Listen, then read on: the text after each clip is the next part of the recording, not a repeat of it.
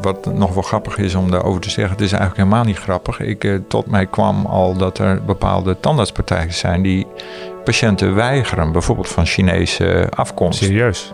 Nou, dat is, dat is natuurlijk verschrikkelijk. Je luistert naar NTVT Dentalk, de podcast van het Nederlands tijdschrift voor tandheelkunde.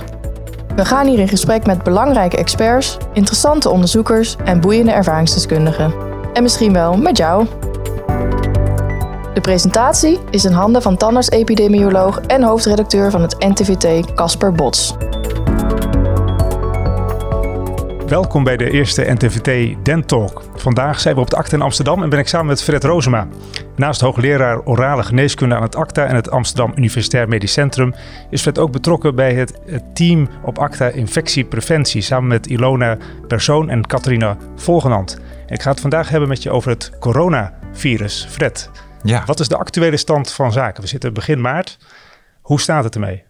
Nou ja, het is op het ogenblik uh, natuurlijk een heel ernstige situatie. We denken dat het coronavirus, uh, waar het eerst een epidemie leek in, op het Chinese continent, hebben we nu eigenlijk de situatie dat het dreigt een pandemie te worden. Dat betekent dat het eigenlijk over de hele wereld uit gaat breken als je kijkt naar de stand van vandaag, want het verandert steeds. er zijn op het ogenblik wereldwijd, tenminste van de bekende gevallen, zo'n 80.000 iets meer dan 80.000 besmettingen. En uh, het is ook bekend dat als iemand besmet is, dat hij uh, in de regels zo gemiddeld twee tot drie personen daarmee weer verder besmet. Dus, dus dan kan het, kan het heel snel gaan, zou je zeggen? Nou ja, zo gauw het over de landsgrenzen gaat, dan gaat het snel. En uh, er zijn natuurlijk ook landen waarbij de infrastructuur wat minder geregeld is. En dan merkt men het misschien ook minder snel op en heeft men ook minder adequate nou, zeg maar, maatregelen. Dus je zou dan zeggen dat het uh, eigenlijk veel, waarschijnlijk is het veel uh, meer omvattend dan het op dit moment lijkt. Ja, en dat is in China natuurlijk ook gebeurd, dat men op een gegeven moment dacht van, uh, ja, we, we hebben die besmettingen wel een beetje in kaart, maar daarna ging men de steden afsluiten enzovoort en mensen die bleven thuis. En toen werd het meten van de besmettingen steeds moeilijker. Ook geholpen doordat de ziekenhuizen natuurlijk bomvol lagen. En dat betekent dat uh, wij denken, of wij, maar dat de Wereldgezondheidsorganisatie uh, denkt, uh, dat er veel meer besmettingen nog zijn dan eigenlijk de geregistreerde besmetting. En dat zal zeker in die landen waar het nu start, is dat ook een aanzienlijk risico. En wat is, de, wat is het sterfterisico van dat uh, coronavirus? Want daar hoor ik ook verschillende getallen over. Nou ja, het coronavirus, dat is dus uh, de variant die we nu hebben. Hè. Dat is uh, een variant die zeg maar uit een familie van virussen komt. Er zijn uh, een tweetal eigenlijk al een beetje berucht. Dat is het SARS-virus, uh, virus, wat een tijdje geleden is geweest. En het MERS-virus. Uh, zijn die eigenlijk uitgedoofd, die virussen? Ja, die, die zijn eigenlijk wel uitgedoofd. En ik weet zo niet uit mijn hoofd, maar die hadden een, een behoorlijk hoger sterftecijferrisico. En ja, dat is een, een, een, familie van virussen die soms zeg maar dingen veroorzaken tot een eenvoudige verkoudheid, tot hele ernstige dingen. En die virussen, ja, die, die uh, zijn, uh, zeg maar de MERS en de SARS, die zijn eigenlijk wel uh, vooral onder dieren groot geworden. En bij een aantal van die virussen uit die familie is eigenlijk gebleken dat je die toch ook op de mensen overdraagbaar zijn.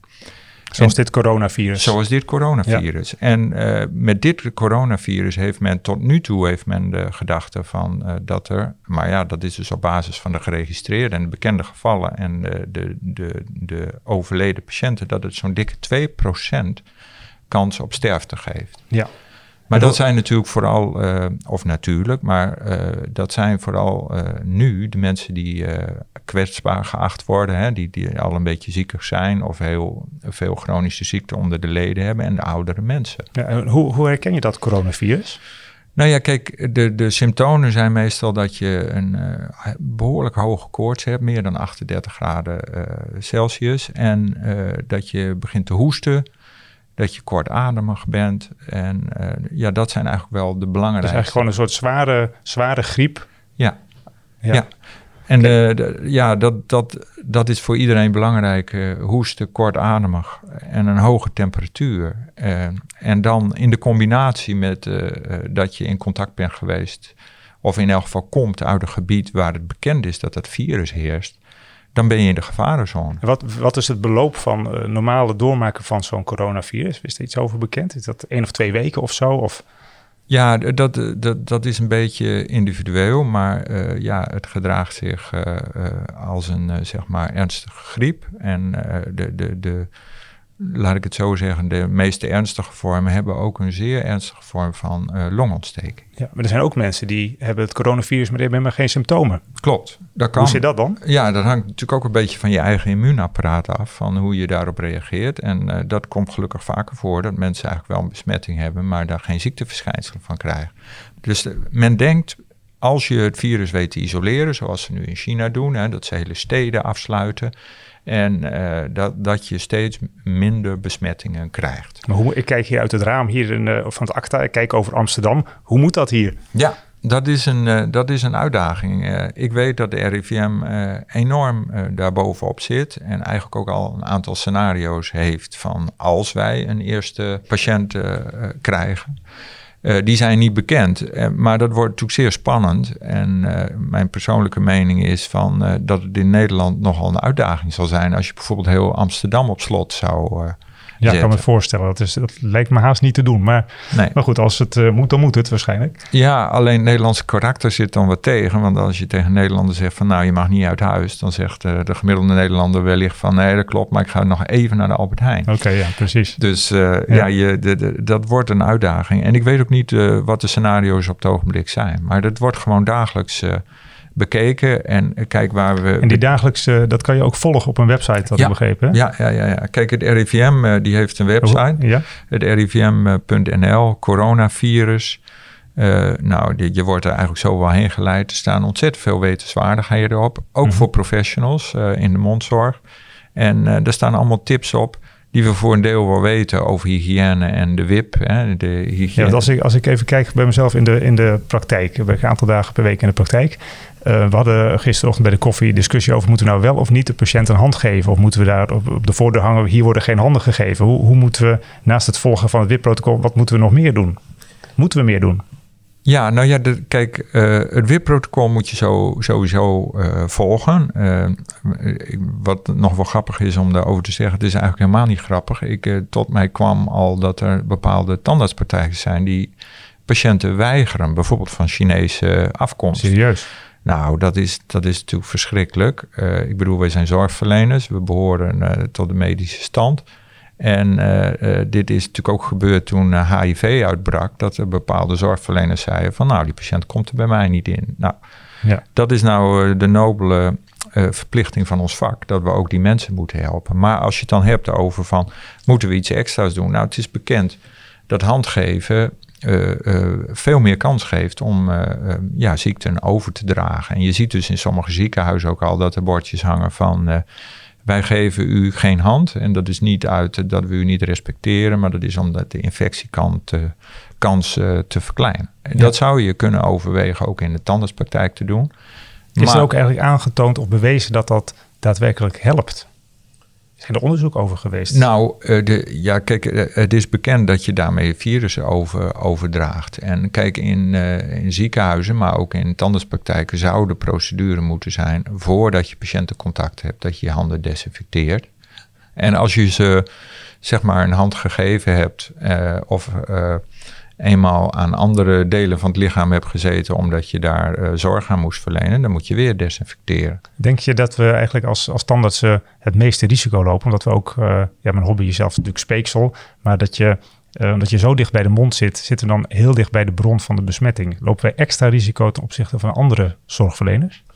Nou ja, kijk, eh, de, het is bekend dat uh, mensen die ziekteverschijnselen hebben, dat die uh, vooral door het hoesten enzovoort, dat men zegt van dat het gevaar ongeveer geweken is als je meer dan anderhalf, twee meter afstand houdt. Ja, dat is lastig te behandelen. Dat is heel lastig behandelen. Dus dat betekent dat alle zorgverleners en zeker ook de tandarts de, dus een verhoogd risico hebben dat ze dat in aanraking met het virus komen. Ja, en het is bekend dat je je goed kunt beschermen met, uh, met handschoenen, met een, bril en met mondlap. Maar daar moet je de procedures over uh, dragen van handschoenen, bril en uh, mondlap moet je wel goed volgen. Het is eh, bijvoorbeeld bekend, nou laat ik het zo zeggen, in Nederland denken wij dat die, die, die hoos op mondlapjes voor burgers in de publieke ruimte ja, eigenlijk net zoveel risico opleveren om het te verspreiden dan om het te voorkomen. Op wat voor manier? Nou kijk, die mondlapjes die worden vaak onoordeelkundig gebruikt. Dat betekent, de mensen zijn niet gewend zo'n ding te dragen. Dus uh, uh, dat hebben wij ook als we voor het eerst een mondlap dragen. Dat je, voordat je het weet, toch met je vingers opeens even aan die mondlap zit. Omdat je uh, kriebel op je neus hebt of zo. Nou, dat doen burgers ook, want die hebben zo'n ding nooit om. En ook het afdoen van zo'n ding, uh, uh, dan zullen heel veel mensen hem eigenlijk bij de neus pakken en weggooien. En daarmee hebben ze eigenlijk het virus. Hoe het beste bij de oor losmaken? Ja, en je dan, moet uh, bij je oor, of als je touwtjes hebt, moet je natuurlijk achter je hoofd losmaken. Ja. En niet de voorkant van je mondlap ja. aanraken. Nou, dat zijn dingen. En verder, als je zo'n ding lang draagt, wordt die vochtig. En dan geeft hij juist uh, de, het virus door. Dus, dus het ja, zijn dus veel altijd wisselen tussen ja, de patiënten. Het zijn wisselen. Ja, voor ons is dat natuurlijk uh, duidelijk. Hè. We vinden dat vervelend. En er is in een heleboel praktijken toch nog een beetje. Uh, ja, ook, ik zou haar zeggen, uit kostenoverweging dat je denkt van nou, die mondlap gaat langer mee, die, uh, die hou ik gewoon om mijn nek en ik bind hem weer voor bij de volgende patiënt. Dat is niet juist. Nee, ik zie eigenlijk ook wel wat, wat voordelen, zou je kunnen zeggen, nu van dit, dit virus, dat er een enorm bewustzijn uh, ja. ontstaat. Ja. Hoe, hoe, gaat, hoe gaat ACTA daarmee om? Nou ja, kijk, weet je, we, we, uh, laat ik het zo zeggen, het beste is om het RIVM te volgen. En uh, wij hebben het ook over gehad, over die ethische discussie.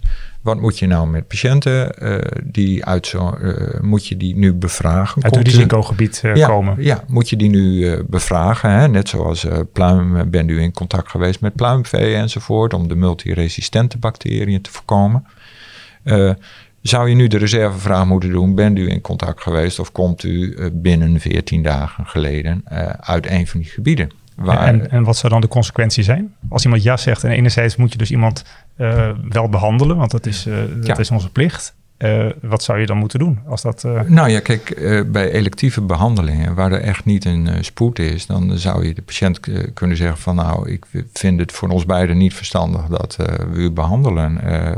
en ik zou toch even zoveel mogelijk thuis blijven. Eigenlijk is het er wel vergelijkbaar als patiënten bellen van ik heb een herpesinfectie of ik heb zware koorts, moet ik wel of niet komen? Precies, precies. Ja. En dan gezond, zeg je... Gezond verstand zou je kunnen zeggen. Nou, zo is het ook. En kijk, in Nederland lijkt het dat de mensen die in die, uit die gebieden komen goed in kaart zijn. Dus die zul je niet gauw hier krijgen. Maar we hebben het ook uh, voor uh, onderzoekers bekeken. Kijk, we hebben heel veel, uh, of nou meerdere Chinese promovendi. Die door de aard van hun onderzoek ook heen en weer vliegen af en toe. En kijk, juridisch kun je niet zeggen, u mag niet meer komen. Hè, voor de zekerheid. Dus, maar we hebben wel gezegd van mensen die zich niet veilig voelen. of die onzeker zijn of ze contact hebben gehad die verzoeken wij alsjeblieft tenminste twee weken zoveel mogelijk thuis te werken en niet te komen. En daar wordt goed gevolg aan gegeven. Ja, nou gelukkig. Uh, en als je, uh, wat is nou, daar ben ik ook nog wel nieuwsgierig naar. Uh, op ACTA heb je dus dat infectieteam samen met, met de dames. Um, wat is er nu veranderd sinds het coronavirus? Of wat gaat er veranderen? Of wat, hoe nemen jullie daar maatregelen voor anders dan het volgen van de WIP-richtlijn? Nou kijk, die WIP-richtlijn die blijft uh, leidend. Dat zie je ook in alle adviezen. Ook voor het coronavirus geldt dat. Het kan alleen zijn dat uh, er toch een shift in Nederland ontstaat van het handen geven. Ik bedoel, dat hoort natuurlijk bij de Nederlandse normen en gebruiken. Uit respect geef je iemand een hand. En het is heel onbeleefd lijkt het als je het niet doet. Ja, ik, als ik zelf heb, heb, behandeld, dan doe ik soms uh, doe ik mijn duim omhoog en bedankt en tot de volgende keer. Ja. Dat scheelt dan ook weer. Nou, bijvoorbeeld. En, en, en uh, wij zijn in ziekenhuizen zien we natuurlijk ook steeds vaker dat we dus uh, mensen uit verschillende achtergronden, dat die cultureel geen hand geven of willen geven en die op een andere manier groeten. Nou, misschien ontstaat er in de gezondheidszorg toch een andere manier van groeten zo langzamerhand door dit. Maar veel anders ten opzichte van WIP zal het niet worden. Want dat zijn de normale uh, maatregelen die bij de meeste besmettingen afdoende zijn. En uh, als het eenmaal geconstateerd is, dan gaan die mensen in, uh, in quarantaine. Maar als je verder zou gaan, dan stopt het leven op een gegeven moment. Dan valt er niet meer te werken. Ja, dus eigenlijk als je het zou, zou samenvatten, zou je zeggen, volg de WIP-richtlijn. Wees bewust met dat handen geven dat dat uh, overdracht uh, kan veroorzaken. Dus was misschien frequenter je handen, of in ieder geval wees er heel erg bewust uh, van.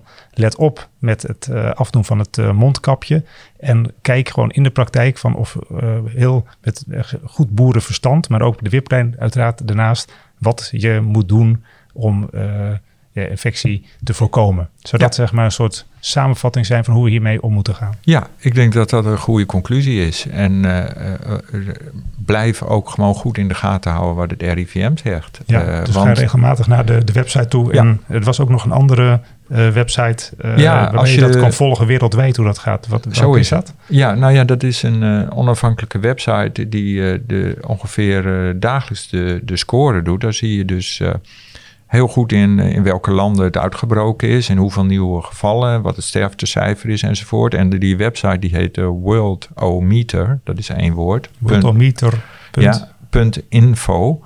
En dat is een uh, collectief van onafhankelijke journalisten en uh, wetenschappers, waar ook in de wetenschap vaak aan gerefereerd wordt. En dat, dat is gewoon uh, om een goede indruk te kijken heel interessant in dit geval. Stel dat dat coronavirus gewoon heel dichtbij komt, dat het thuis komt, bijvoorbeeld uh, dat een van mijn kinderen dat krijgt, wat moet ik dan doen?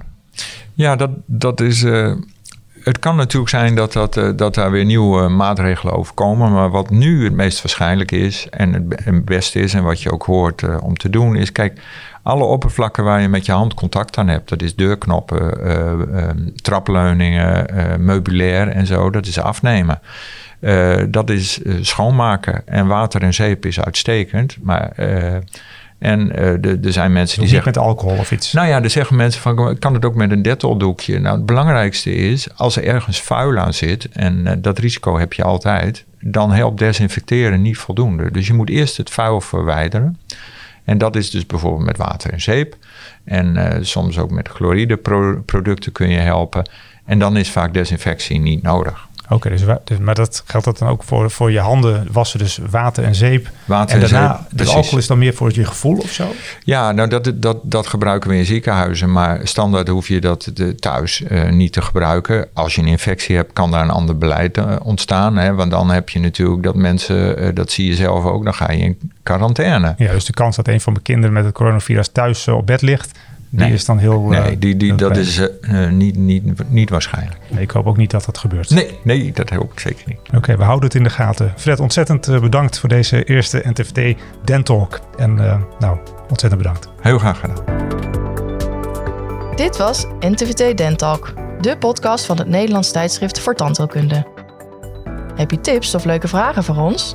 Laat het ons weten via redactie.ntvt.nl. Bedankt voor het luisteren en graag tot de volgende keer.